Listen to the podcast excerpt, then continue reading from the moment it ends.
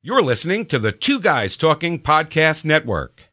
A story was picked up by the news and circulated with great fanfare. The titles? Man arrested for not paying student loans. Armed U.S. Marshals arrest man over 30-year-old student loan debt. Those stories were, of course, extremely inaccurate in their title, but it does bring up a lot of questions. What happens if we don't pay student loans? Today we're joined by Jay Fleischman, a lawyer concentrating in bankruptcy, student loan law, and consumer protection, to bring us the five reasons we should never, ever, ever default on our student loans. This is the show for the person who wants to have no debt, to build wealth, not a credit score, and live a life where the only financial problem is finding time to read all the mutual fund statements that come in the mail. I'm your host, Steve Stewart. Welcome to No Debt, No Credit, No problems.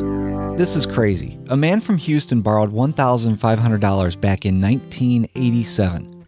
He was in default of the loan two years later. The Department of Education tried to collect with no success. A judgment was entered in favor of the government in 2007, 20 years after the loan was taken out.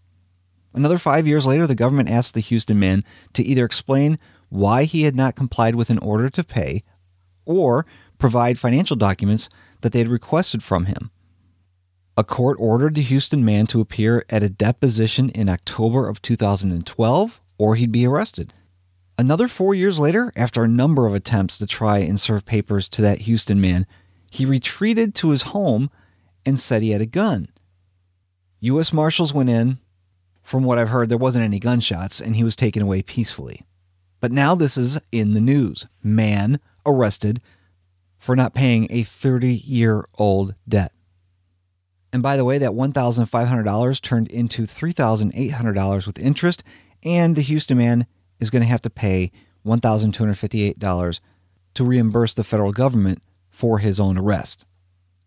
Now, the math nerds like me, I mean, we could look at this one way and say that he got a great rate. His $1,500 debt only turned into about 5000 which is about a 5% interest rate.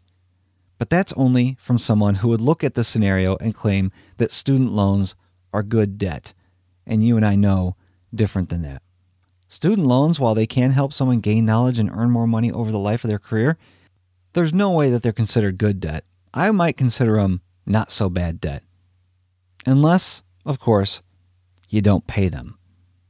So today we're going to talk worst case scenarios and ask Jay Fleischman, a lawyer who concentrates on consumer protection, about the five reasons you should never default on your student loans. Now, before I bring him on, I need to let you know this interview was recorded before that story broke about the Houston man's arrest. So I want to ask you how many times during our discussion of these top five reasons you should never default on student loans, make note of how many times Jay says that you could be arrested, put in jail. In fact, each time he says it, I want you to punch yourself in the nose. All right, you ready? Here we go. Top five reasons you should never default on student loans with Jay Fleischman. Jay, welcome to the show. Thanks for having me, Steve. We're going to have a fun time. This is a top five list, which I just love doing. You've been uh, dealing with people's debt problems for how many years now? 20 years. That's a long time. Now, have you seen any changes in the environment here as far as how people perceive their debts or handle their debts?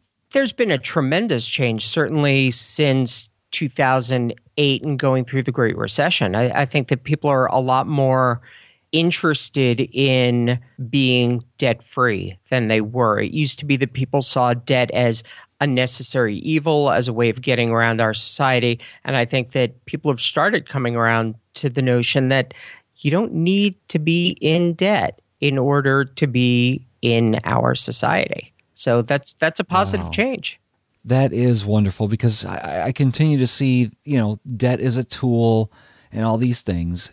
And I, I can't disagree that going to college, I think that's almost a necessity these days, mm -hmm. that education. Of course, the student loans that come along with it, I don't agree with, but I can't fault someone for taking out loans. They've got to realize what they're doing, of course, but sure. uh, I'm not going to encourage it. I'm going to encourage saving prior to that happening. So the average student loan debt right now when people graduate is what 28,000 just about 28.2 28.4 something like that. It's always moving up isn't it? It is. We've hit 1.2 trillion. Um sure we'll hit 1.4 trillion and then 2 trillion and on and on and on unless there's a drastic change. And i can't remember the statistic about how many people default on paying their student loans. It depends it depends whether it's a federal student loan or a private student loan. I think that the more useful thing to worry about here or or the most useful consideration here, the fact that 83% of student loan borrowers are overpaying on their federal student loans because only 17% of them are are in one of the income dependent repayment programs and that's a statistic from the end of 2014. Um so the people who are in repayment are for the most part drastically overpaying. A large percentage of student loan borrowers have never made a payment on their student loan ever. And in fact, something along the lines of uh 20% or so of student loan borrowers don't even realize that they have a student loan. What? Amazing, isn't it? How is that possible? You would think that people would just know if they had a student loan, but the fact of the matter is that a large number of people don't even realize that they have a student loan. People go into college on the first day, they go to the bursar's office, they're given a stack of papers to sign, they sign them and go to class. That's it. Okay, so I don't know if I have any student loans. You're saying I'm safe because I didn't walk in the bursar's office and sign a bunch of papers. I think you're safe there, Steve. okay, fantastic. All right, I, I think we all understand that it's it's really important to pay at least the minimum payments, and of course, to pay more and, and get out of debt. But you've got five reasons why you never, ever, ever want to default on your student loans. What is the number five reason? The number five reason is that you're subjecting yourself to a lawsuit. When you go past due on a debt, the creditor can file a lawsuit against you in state court or in the case of a federal student loan, they can file a federal lawsuit against you. And then if you either don't win the lawsuit or more likely you do nothing about that lawsuit. In fact, over 96% of people who are sued for a past due debt of any sort, and that's student loans as well as credit cards, other other things, don't take any action whatsoever. Never go to court, never answer the papers, file it in the old revolving spindle file. Um, and those people are just going to wake up one day and there's going to be a default judgment against them. In some states, that default judgment automatically becomes a lien on your real estate. Some states allow for wage garnishment. Some states allow for assets to be frozen, cars to be taken. Um those are those are some fairly common enforcement mechanisms. So number 5 reason, possible lawsuit and judgment against you, hands down. Let me let me jump into that a little bit deeper because earlier in our conversation you said you've got your personal student loans mm -hmm. and you've got your federal student loans. Mm -hmm does that have any difference in the way that you're approached or the way that you're sued? Potentially, yes. Federal student loans have greater enforcement mechanisms that are available to them. Federal student loans allow for administrative enforcement of defaulted debt. So there's administrative wage garnishment.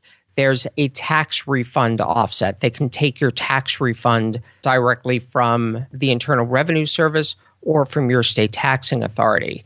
There's offset of social security, not social security, not SSI, not retirement, but SSD and non-retirement social security funds can be taken by the federal government to recoup their losses for non-payment of federal student loans. Private student loan companies don't have that ability. The only means that they have for enforcement is by filing a lawsuit against you that having been said, most private student loans in excess of 90% of private student loans have co-signers on them. Mhm. When there is a cosigner, there are two people who are legally liable for repayment of that full debt. What that means is that if you've got a private student loan and you've got a co-signer and you don't pay it, they're going to sue not only you but they're going to sue your co-signer as well. For the most part, that's going to be mom, dad, grandma, grandpa.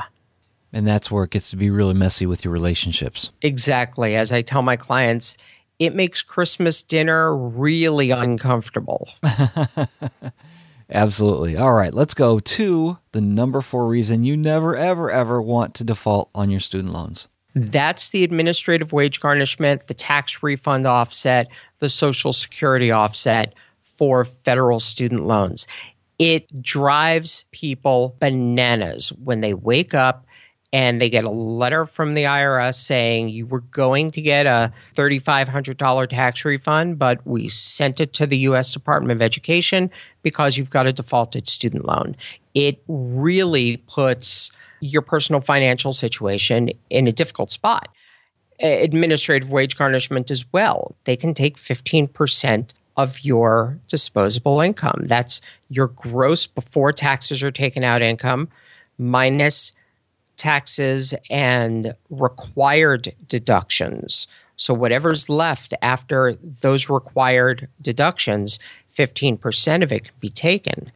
The thing that bugs me about people who are subjected to administrative wage garnishment, tax refund offset, enforcement mechanisms of that nature is there are so many opportunities to avoid that.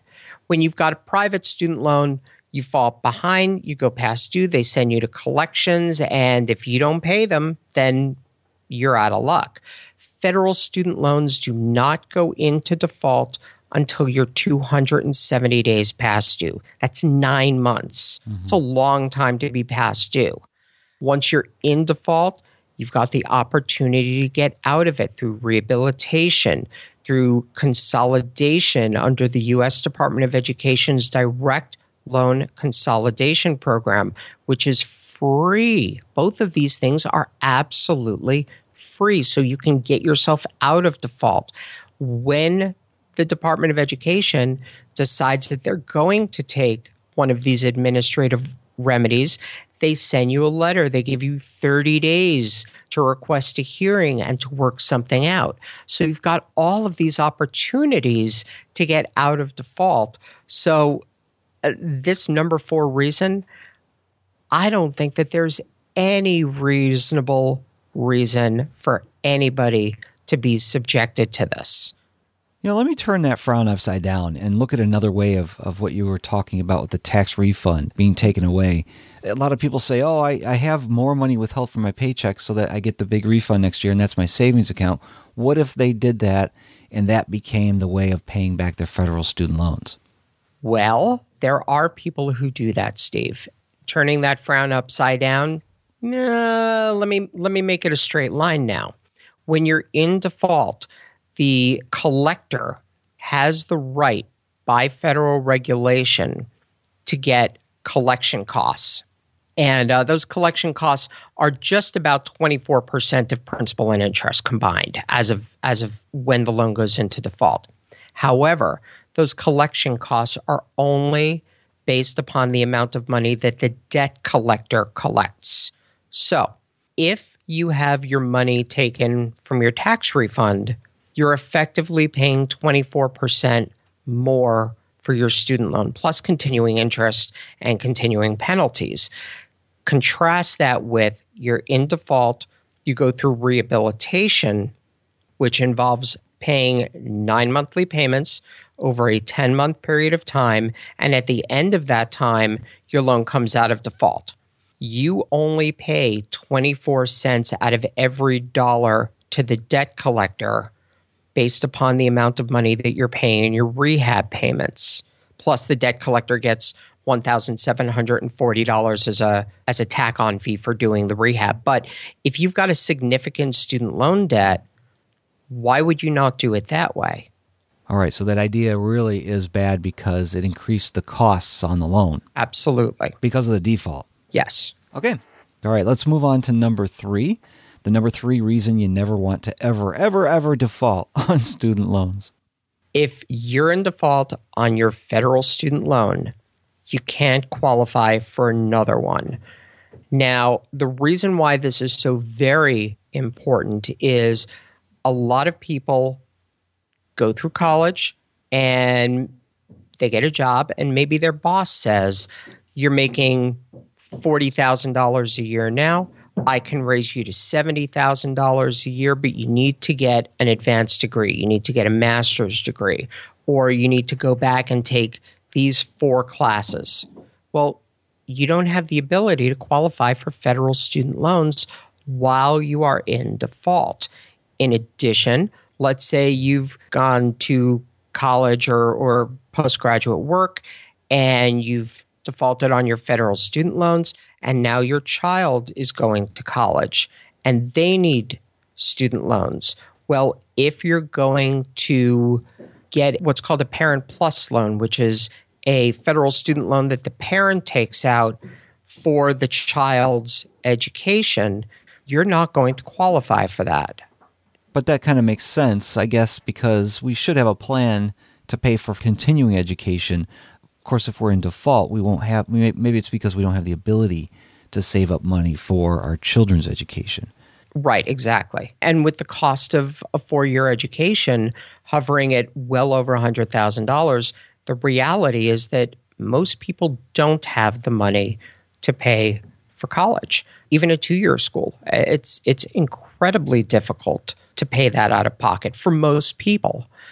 Between federal student loans or any other means of financing your education. Federal student loans offer the best rates, offer the best repayment opportunities, offer the best opportunities for getting out of default and offer loan forgiveness if you're in one of one of the income dependent repayment options. Yeah, I'm not going to try and find my way around this one. You win. uh, I I just I love having these conversations because even though I'm not in this situation, I think somebody else might be looking for ways around it cuz you know, when you're in the thick of it, it it's just this big burden. So oh, yeah. that's why I love challenging your questions here to find other ways around it. All right, let's go ahead and get into number 2. Number 2, increase collection costs. As I mentioned earlier, federal student loans come with those collection costs of just about 24% of principal and interest. Private student loans collection costs are whatever is listed in the promissory note because there are no federal regulations with respect to private student loans. It's a private transaction between you and a lender. Collection costs I've seen yeah, I've seen the 20, 25%. I've also seen the additional penalties above and beyond that. If you're in default on your private student loan, there is a high likelihood that they're going to sue you, which means you're going to be responsible for their lawyers' costs. That's right. You actually pay their lawyers for the privilege of being sued for your past due private student loan debt if you decide to hire a lawyer on your own, you're going to have to pay them as well. I have nothing to add to that one. uh disheartening. Yeah. All right, num okay, let's go ahead and get the drum roll going here. Number 1. The number one reason you never want to default on your student loans is it's going to wreck your credit. Oh, who cares about your credit? Ah, it's fine. Forget that. No, no, I agree. Go ahead. It's, Go ahead. It's absolutely going to wreck your credit. And, you know, Steve, I, I talked about inability to qualify for new federal student loans, but let's say you're going to buy a home. Let's say you already own a home, but rates go down, even though they're not right now. But let's say rates go down and you'd like to refinance, not to get any money out, just to get a better loan rate. You're not going to be able to do that.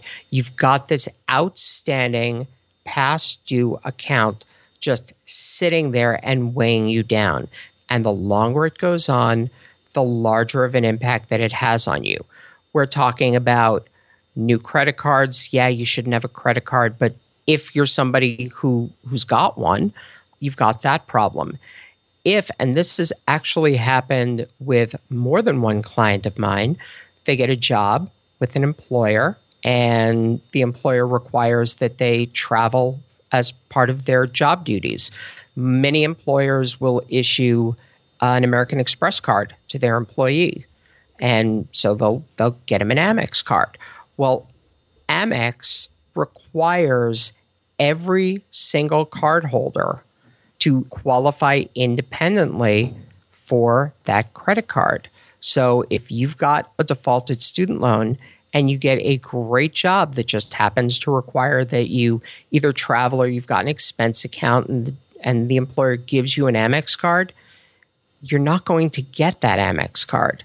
That could theoretically put your job in jeopardy because you can't do what the boss needs you to do bad credit, speaking of your job stability, when you apply for a new job, many employers will check your credit. If you've got a defaulted student loan, there are employers who may deny you that job because you're a security risk. You've got a reason in theory to do something dishonest. Take money, take more than your fair share of pencils and pens out of the office. I I I don't know, but your car insurance rate can be higher when you've got bad credit. You can be denied an apartment. A landlord's going to check your credit. Uh life insurance is going to check your credit. Um credit is so much more than just am I going to be able to get a credit card? It really is a three digit number by which most of the world is going to judge you. I can't disagree with that. If you allow me a moment to get on my soapbox, this show is called No Debt, No Credit, No Problems. And where I disagree with the whole build your credit thing, I am absolutely against damaging your credit. There's no reason why anyone would want to to do something that would hurt your credit because there are so many negative things that can happen. So I am with you on that, brother. Don't worry about building your credit but definitely do the things that keep you from having bad credit. There's just so many reasons why. Oh yeah, absolutely. Like I tell my clients, you don't need to build a house on the land, but you don't want to dig a pit in the middle of the lot. I love that. I think I'm going to steal it. Feel free. Fantastic. Well, that's the top 5 reasons you never want to default on your student loans. Number 5, You subject yourself to a possible lawsuit and judgment? Number 4, wage garnishments and tax refund offsets. Number 3, the inability to qualify for new student loans for either yourself or your children. Number 2, increased collection costs and number 1, bad credit.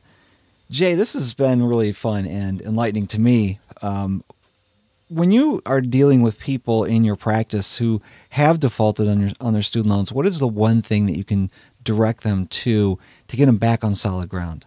Federal student loans, the US Department of Education has excellent resources at studentloans.gov. I also host a podcast that I always send people to as well. Uh, I've got a website, I send people there. I provide more than I think my fair share of free information to help people get to a place where they're at least comfortable knowing what their options are. But there really are a lot of really good resources out there. Asking questions is, I think, the most important thing that you can do and taking early action because the earlier that you act, the greater your options are. I'm going to have links to your website and ways people can contact you. But why don't you just share that with us on the on the uh, podcast? How people can find out more information and reach out to you. Sure. My podcast is The Student Loan Show. It is at studentloanshow.com and my main website is consumerhelpcentral.com. consumerhelpcentral.com. Jay Fleischman, consumer protection lawyer for two decades, more than two decades. That's impressive, brother. Thank you. Hey, thanks for coming on the show. Hey, thanks for having me, Steve. If you want to hear more about the guy who got arrested for not paying student loans, you can hear Jay on his podcast talk about that very story in detail. And I'll have a link to his show in the show notes at stevestewart.me.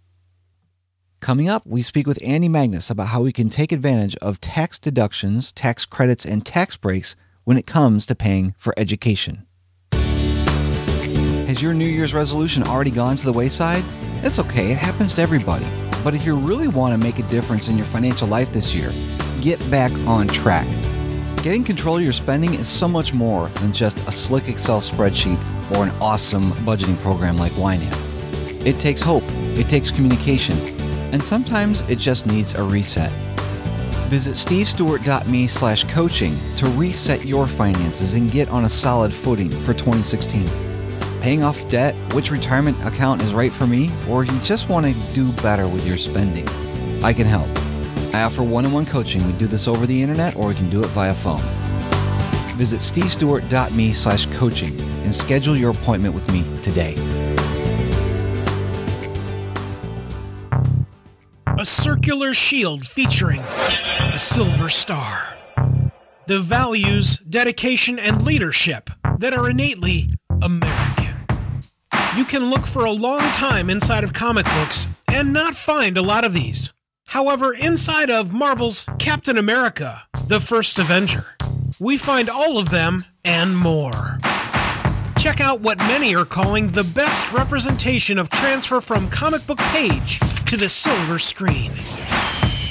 It's the Captain America Perspective Review, a complete, detailed, and always educational review of Marvel Studios' Captain America, the First Avenger.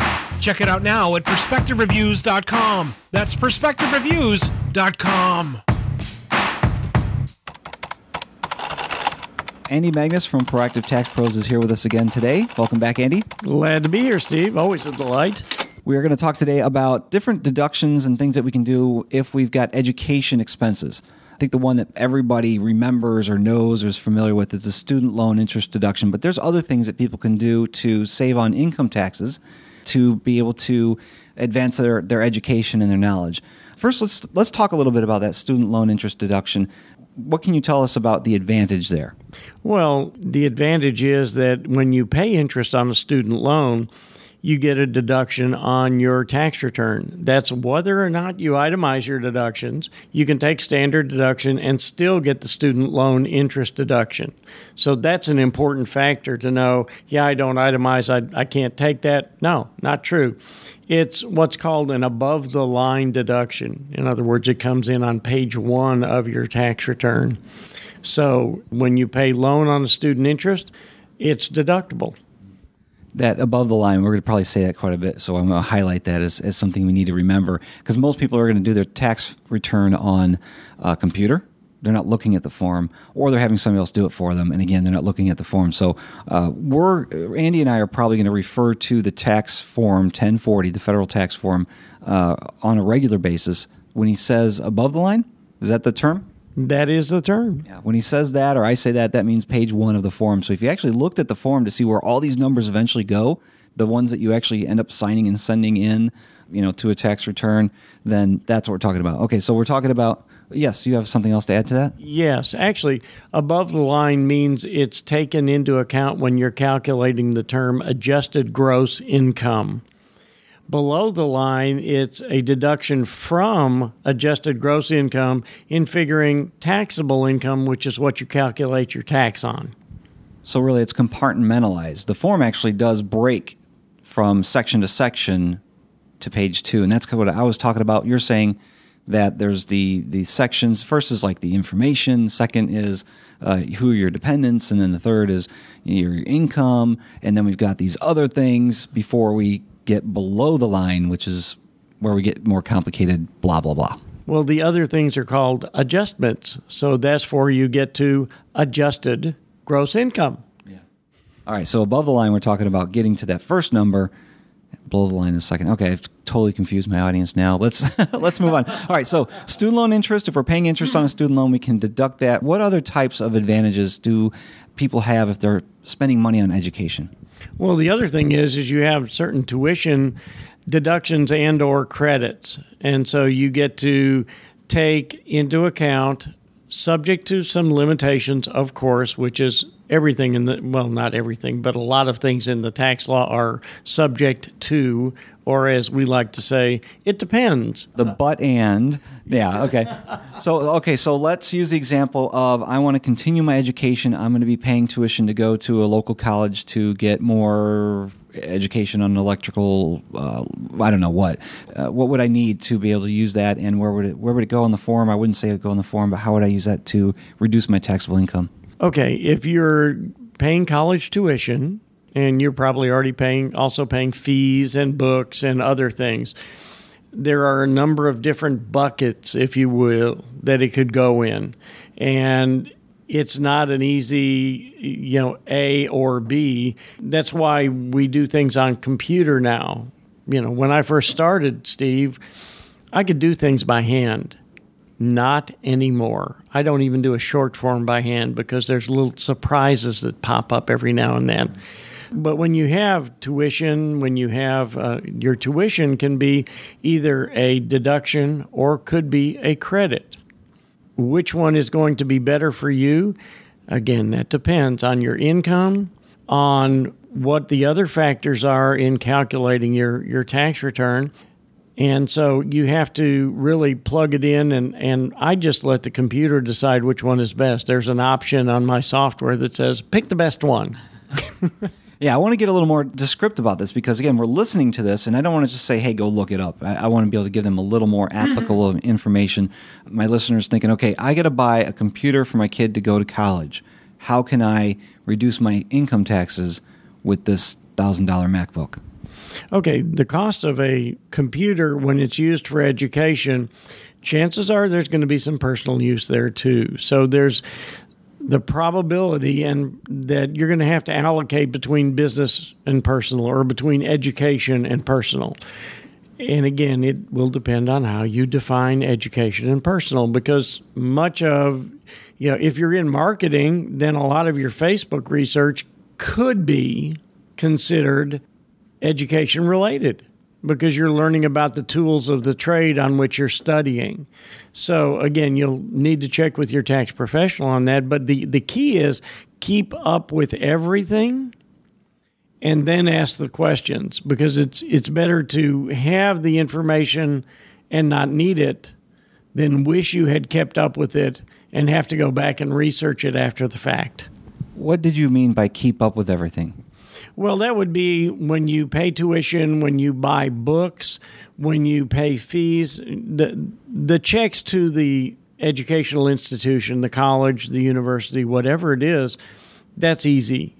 That's going to be tuition, but there also may be some fees in there.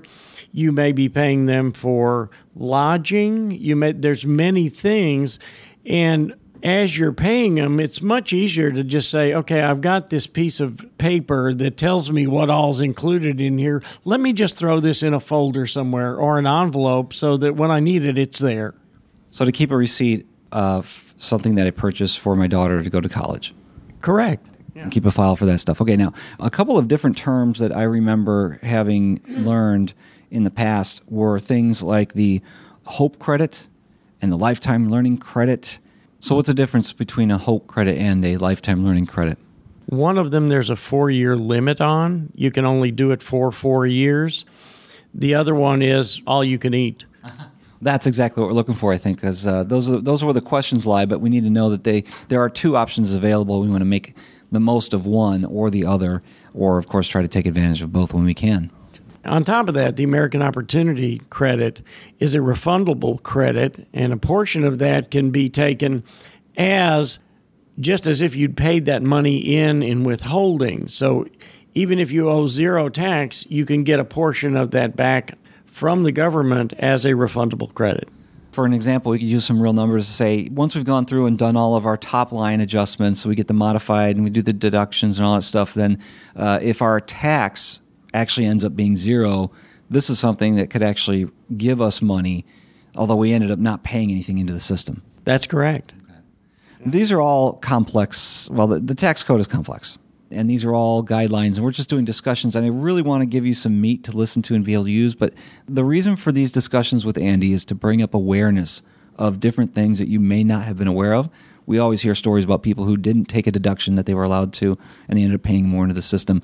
Uh, this this portion of our show is is the attempt to try and give you more meat to be able to take to your tax preparer and be able to ask those good questions, right, Andy? Exactly.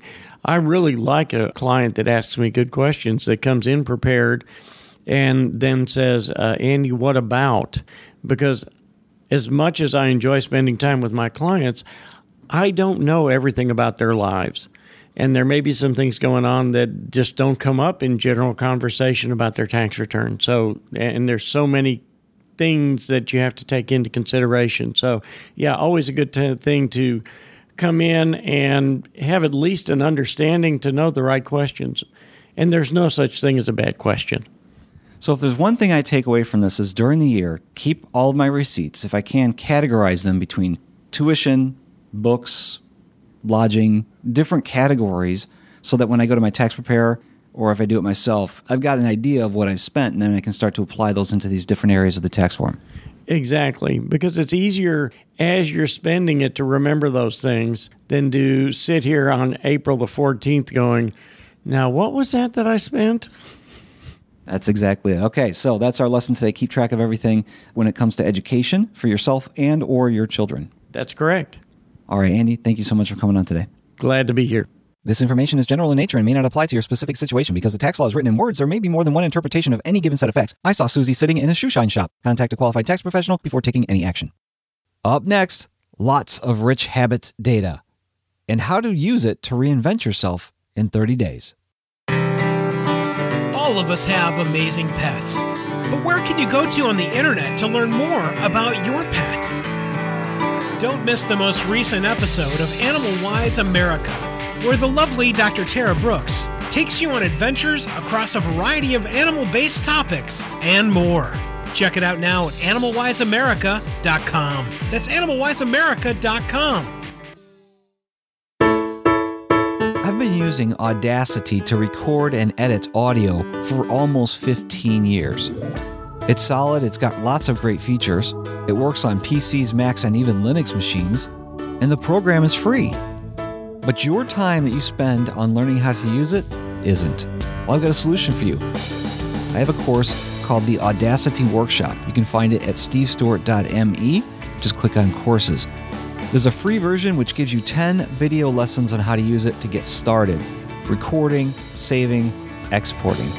And if you want to take it a little bit further, there's the full studio access where you get to see all of my tips and tricks on how I edit and produce podcasts using Audacity. Check it out for yourself. Go to stevestewart.me slash audacity.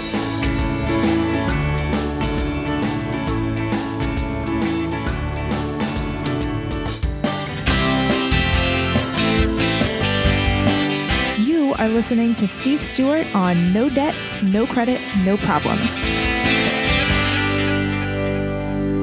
In our segment of The Habits of the Rich today, we're going to talk about how to reinvent yourself in 30 days. Tom Corley, author of Rich Habits, wrote an article called America's Poor. Who are they? Why are they poor? And what can we do? Get ready to tweet some stuff because there's a lot of great facts in here. And there will be a link to this in the show notes, of course, at stevestewart.me. Here's what Tom Corley wrote. Here are some important facts about poverty and wealth in America. 43.6 million Americans live below the poverty line. 50% of American households make less than $33,048 a year. Average student loan debt now exceeds $27,000. Over 9% of college graduates default on their student loans within 2 years of graduation. 314 million people currently reside in America 138 million make enough money to warrant filing an income tax return, 6.9 million or 5% make $155,000 or more a year. This 5% puts money away for retirement, education for their children, savings, they go on nice vacations, live in good homes and retire without any financial worries. What is this 5% doing right? What is it that that financially successful individuals do that sets them apart from everyone else? In Tom Corley's 5-year research study on the daily habits of wealthy and poor individuals, he found the answer to this question. He found the financial equivalent of the Holy Grail. Your daily habits dictate whether you will be rich, poor, or middle class.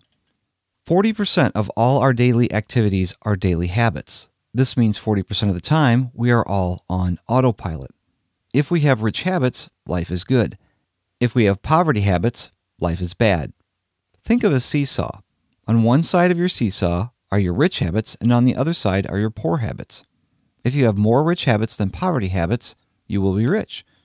If you have more poverty habits than rich habits, you will be poor.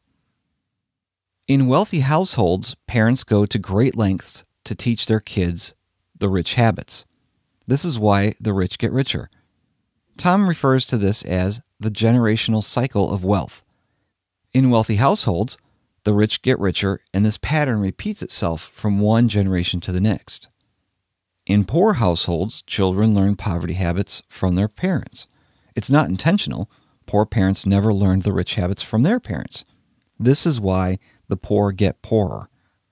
He refers to this as the generational cycle of poverty. In poor households, the poor get poorer, and this pattern repeats itself from one generation to the next. In reality, parents are responsible for the wealth gap and income inequality in our country. So how do you break the generational cycle of poverty? Believe it or not, it's easy to do. Each one of the rich habits was designed to be a keystone habit. Keystone habits are unique habits. They are unique because they affect other habits. One good keystone habit, for example, could act to eliminate two or more ordinary habits.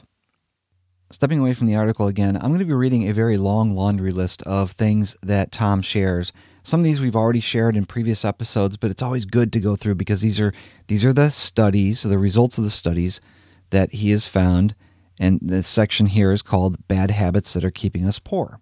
And of course, the link to this article is in the show notes at stevestewart.me, so you can always go and look at them again later, share all these things on Facebook, Twitter, uh, or maybe even use them when you're leading a Financial Peace University or a financial wellness class. Some of you do that, so this is good stuff. Ready? These are bad habits that are keeping us poor.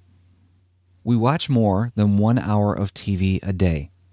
We spend more than an hour a day on recreational internet use, Facebook, Twitter, Snapchat, and Instagram. We eat more than 300 junk food calories a day.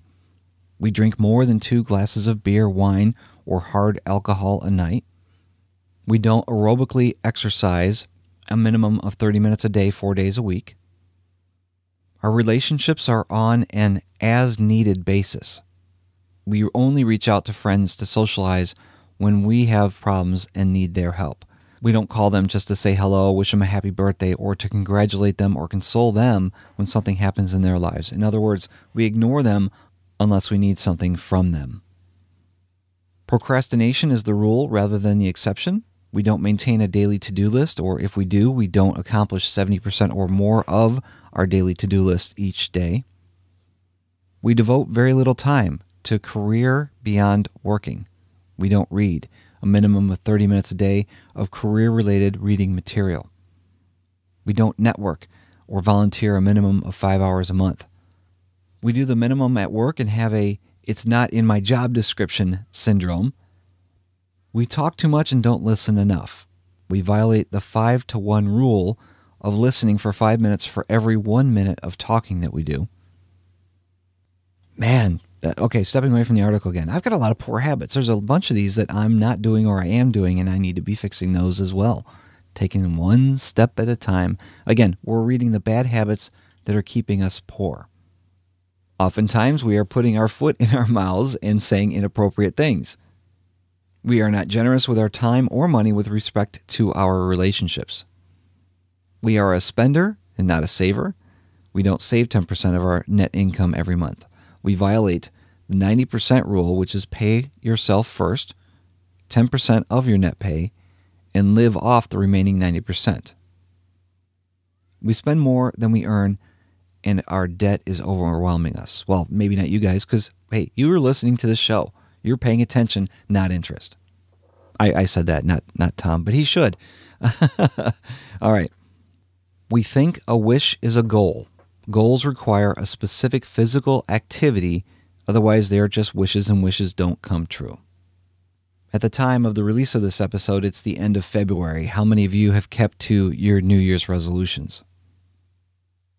All right, now we can go to the 10 keystone habits that will make us rich. Link in the show notes at stevestewart.me. All right, 10 keystone habits that will make us rich. Number 1, Wealthy individuals have eliminated most of their bad daily failure habits and replaced them with good daily success habits. Number 2, wealthy individuals set daily, monthly, annual, and long-term goals. They understand the difference between a wish and a goal. Tom also provides a link to his free goals report, and I'll have a link to that in the show notes. Number 3, wealthy individuals engage in 30 minutes of daily career-related reading. Number 4. Wealthy people are healthy people. They exercise aerobically 30 minutes a day, 4 days a week and stay below their caloric threshold. This is the number of calories consumed each day that will neither make you gain weight nor lose weight. For men, this ranges from 2000 calories a day to 2600 calories a day For women, this ranges from 1,500 calories a day to 2,100 calories a day. Number five, wealthy individuals manage their relationships every day. Strong relationships are the currency of the wealthy. They employ certain strategies to grow their relationships, such as the hello call, the happy birthday call, and the life event call. They use a specific strategy to help them increase their relationships and eliminate their poverty relationships. Number 6, wealthy individuals live each day in moderation. They eat in moderation, spend in moderation, work in moderation, and play in moderation. That one's interesting to me because I've always heard and seen pictures, you know, the whole work hard, play hard thing. I'm, I'm wondering if those are the glittering rich that I'm seeing that from. And if you've read Thomas Stanley's book, Stop Acting Rich, you'll know what I'm talking about. But, uh, hmm, Interesting. They spend, eat, and work and play in moderation. Okay. Uh, number seven, wealthy individuals complete at least 70% of the tasks on their daily to-do lists. Let me stop there for a minute because I've been doing something for the past few months and it's really been amazing to keep me on track and that's every, I I put everything on my Google Calendar. If you ever want to make an appointment with me, you go through my scheduler because that puts it on my Google Calendar. If it's not on my calendar, it doesn't get done. I even put reminders to do laundry on the list. Yeah, uh, timers and all kinds of stuff. So, you know, hey, it's on my calendar. It's done. In fact, in Google Calendar, you can you can categorize things to be different types of things. So one can be, you know, hey, this is a hard appointment and you've got to schedule yourself time to travel, to get there and be there on time, whereas other things are just, you know, work on this this project today or make this phone call today. And those are just reminders. And what I'll do is I'll go through and after I've completed them, I'll delete them. So I might have 10 to 12 things on my to-do list in my Google Calendar, but throughout the day as I get them done, I delete those things that I don't have to remember that I had an appointment that day or you know, the the things that I didn't uh they were just to-do list things. And all of a sudden I've got, you know, one or two things left on that list And those are things that I want to make sure I keep on there, like a reminder of somebody's birthday because it's a recurring thing every year. Uh, I don't want to delete that. So that's something that I use Google Calendar for. It goes in my calendar. I, you know, it's kind of like if I check it off the list, it gets deleted. And that that's great. You know, I wrote the blog post and I sent it. Once it's done, I can check that off my list and I just delete it from my calendar. I know it's finished. Very cool stuff. Um, I don't know what you use. You probably use something less complicated than what I just described. Uh, I'd be curious to hear what you do.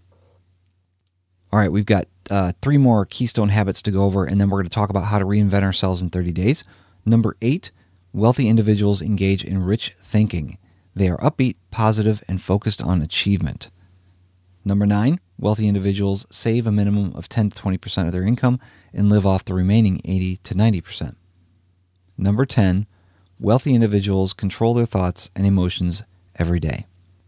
How do we reinvent ourselves in 30 days? Well, Tom Corley gives us advice here, and this is something that he does in the book Rich Habits. On one side of a piece of paper, uh, you, you, you take a piece of paper, you form co two columns. On one side, the left side, you list each one of your bad daily habits. You can use all the things that I just went through from his article, and of course, you can extrapolate more from that to create your list of what are bad daily habits and call the column bad habits. And then on the opposite side of the page, you're going to invert these bad habits and change them to good habits. And you're going to call it your good habits column. For example, on the left side, the bad habits column, the item that says I watch too much TV becomes on the right hand side, I watch one hour of TV only per day. The I eat too much in the bad habits column becomes I eat 2,000 calories per day in the good habits column. Fill your good habits column with these inverted bad habits. Keep your new good habits list with you and refer to it every day. Tom calls this the Rich Habits Checklist. Live your rich habits for 30 days. Strive to follow 30 to 40% of your rich habits each day. 30 to 40% is all he says. Strive to follow 30 to 40% of these rich habits every day. By the end of this 30 day period, you will be unshackled from many of your bad daily habits. Following your rich habits does two things. First, it eliminates what he calls detrimental luck. And if you want to learn more about that, go back and listen to episode 3 of No Debt, No Credit, No Problems. And I'll have a link to that in the show notes. Very briefly, he says that this is the bad luck that poor people attract in their lives by living with bad daily habits. And then the second thing that happens when we've lived these rich habits on the right hand side of the sheet of paper for 30 days is it manifests opportunity luck into our lives. This is the good luck that wealthy people attract in their lives by living the rich habits. Tom Corley concludes that failure, like success, is just a process. Our daily habits reveal which process we are following in life. Changing the process from failure to success requires that we change our daily habits from bad ones to good ones. By adopting the rich habits, we are literally walking in the footsteps of the wealthy every day. Now, I don't know about you, but that's pretty encouraging. I'm going to make my list, I'm going to invert it, and I'm going to start living my rich habits for 30 days. So I'm going to start it on March 1st. That'll give me a full calendar month and that will allow me uh, time to measure and to be able to see how many of these rich habits I can follow. What did we learn today? Well, we learned from Jay Fleischman there are, well, basically five huge reasons to never, never, never default on our student loans. In our Taxes with Andy segment, we learned how we can take advantage of saving on our income taxes when we do have student loan debt or we have education expenses. And finally, we learned how to reinvent ourselves in 30 days with Tom Corley's Rich Habits. You hear the music playing, but this isn't over. After the music is done, I'm going to give you a bonus segment. This is what I forgot to add last week. This is the answer to the question I got in an email that asks, should I go with an investment advisor or save on the fees by self-directing my retirement? If you have questions you would like to have answered in the show, send them to me. Just follow the link in the show notes right there in the smartphone app that you're listening to this on or the web page that you're playing this from. If you're looking to advance yourselves in your finances, who are you working with? Sharon contacted me. She's going to change her life beginning March 1st when we start working together as her financial coach. When will you start working with a coach? You know a coach can help you. And if it's not me that you want to work with, then let me help you find someone. I know many coaches across the United States who love to help people with their personal finances, with their money situations, send me a message and let me help you get on the path of paying attention, not interest. God bless you. Have a great week.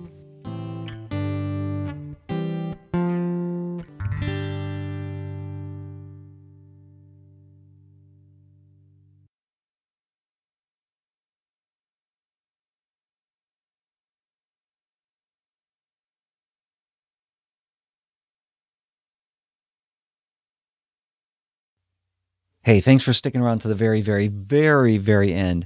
Uh, this is an email that came in from a friend who's also a listener to the show. I'll withhold his name, but he did give me permission to use this on the episode. His question has to do with saving for retirement. This is like the, the number two biggest question in all of personal finance.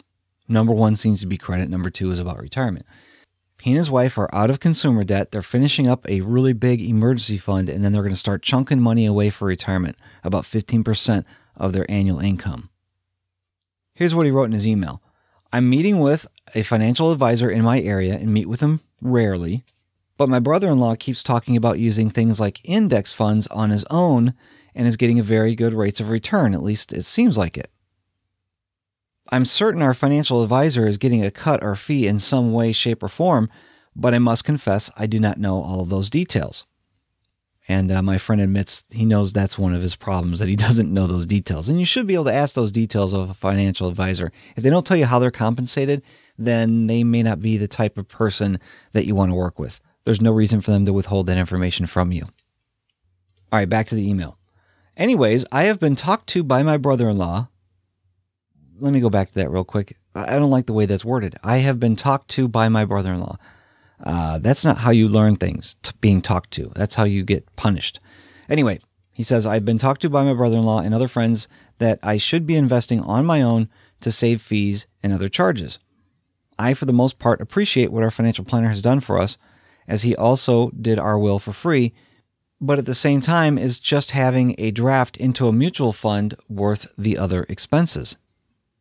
So that's the question. Should I work with a financial advisor or shall I save on fees and just invest in some index funds?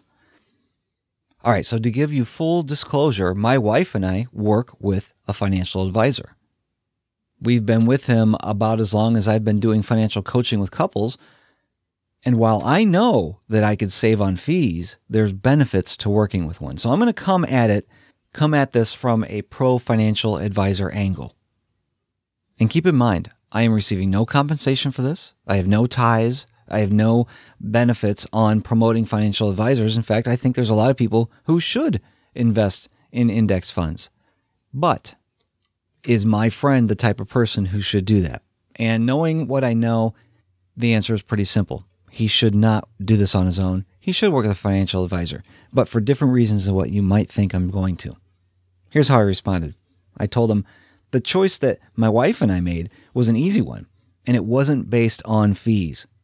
While I would love to just purchase a Vanguard S&P 500 index fund and be done with it, there are a few things I would be missing out on by doing this myself. And I listed 5 points. 1. My financial advisor knows more about the investments than we do. 2. He takes all our investments into account. All of them. 401k's, savings accounts, all of them, he takes those into account.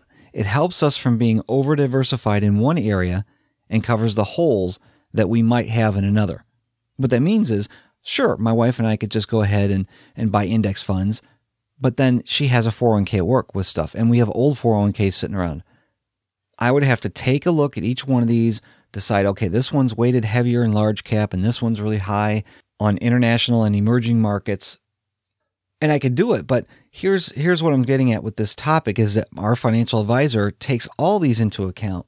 And even though our 401k's are not invested through him, even though our savings accounts are not done through him, there are only a couple of investments that we do through him, but he gets to see all of them so that he can compile and make it a better holistic plan. I hope that made sense to you. Number 3 reason is a financial advisor keeps us invested. Basically, keeps us from jumping out when the market gets scary. Putting money into your accounts and taking them out should not be taken on a month by month basis. It needs to be a long term plan. And if the market gets scary, that's the worst time for you to take money out, but it could be the best time to keep putting money in. So if you're working with a financial advisor and you've got everything set up automatically, it's almost a no-brainer. The money's going into the account. It's getting bought at. If the market's low, you're buying shares at a lower price. And then when the market gets better, those cheap shares become more valuable and your account grows. If it was just me and index funds, I might have a tendency to either A, pull money out, or B, more than likely, I'd just stop putting money in, which again is the worst time to stop putting money in. It's funny how people will drive a couple extra miles to get cheaper gas. They'll clip coupons and hunt all the ads to find the best sale.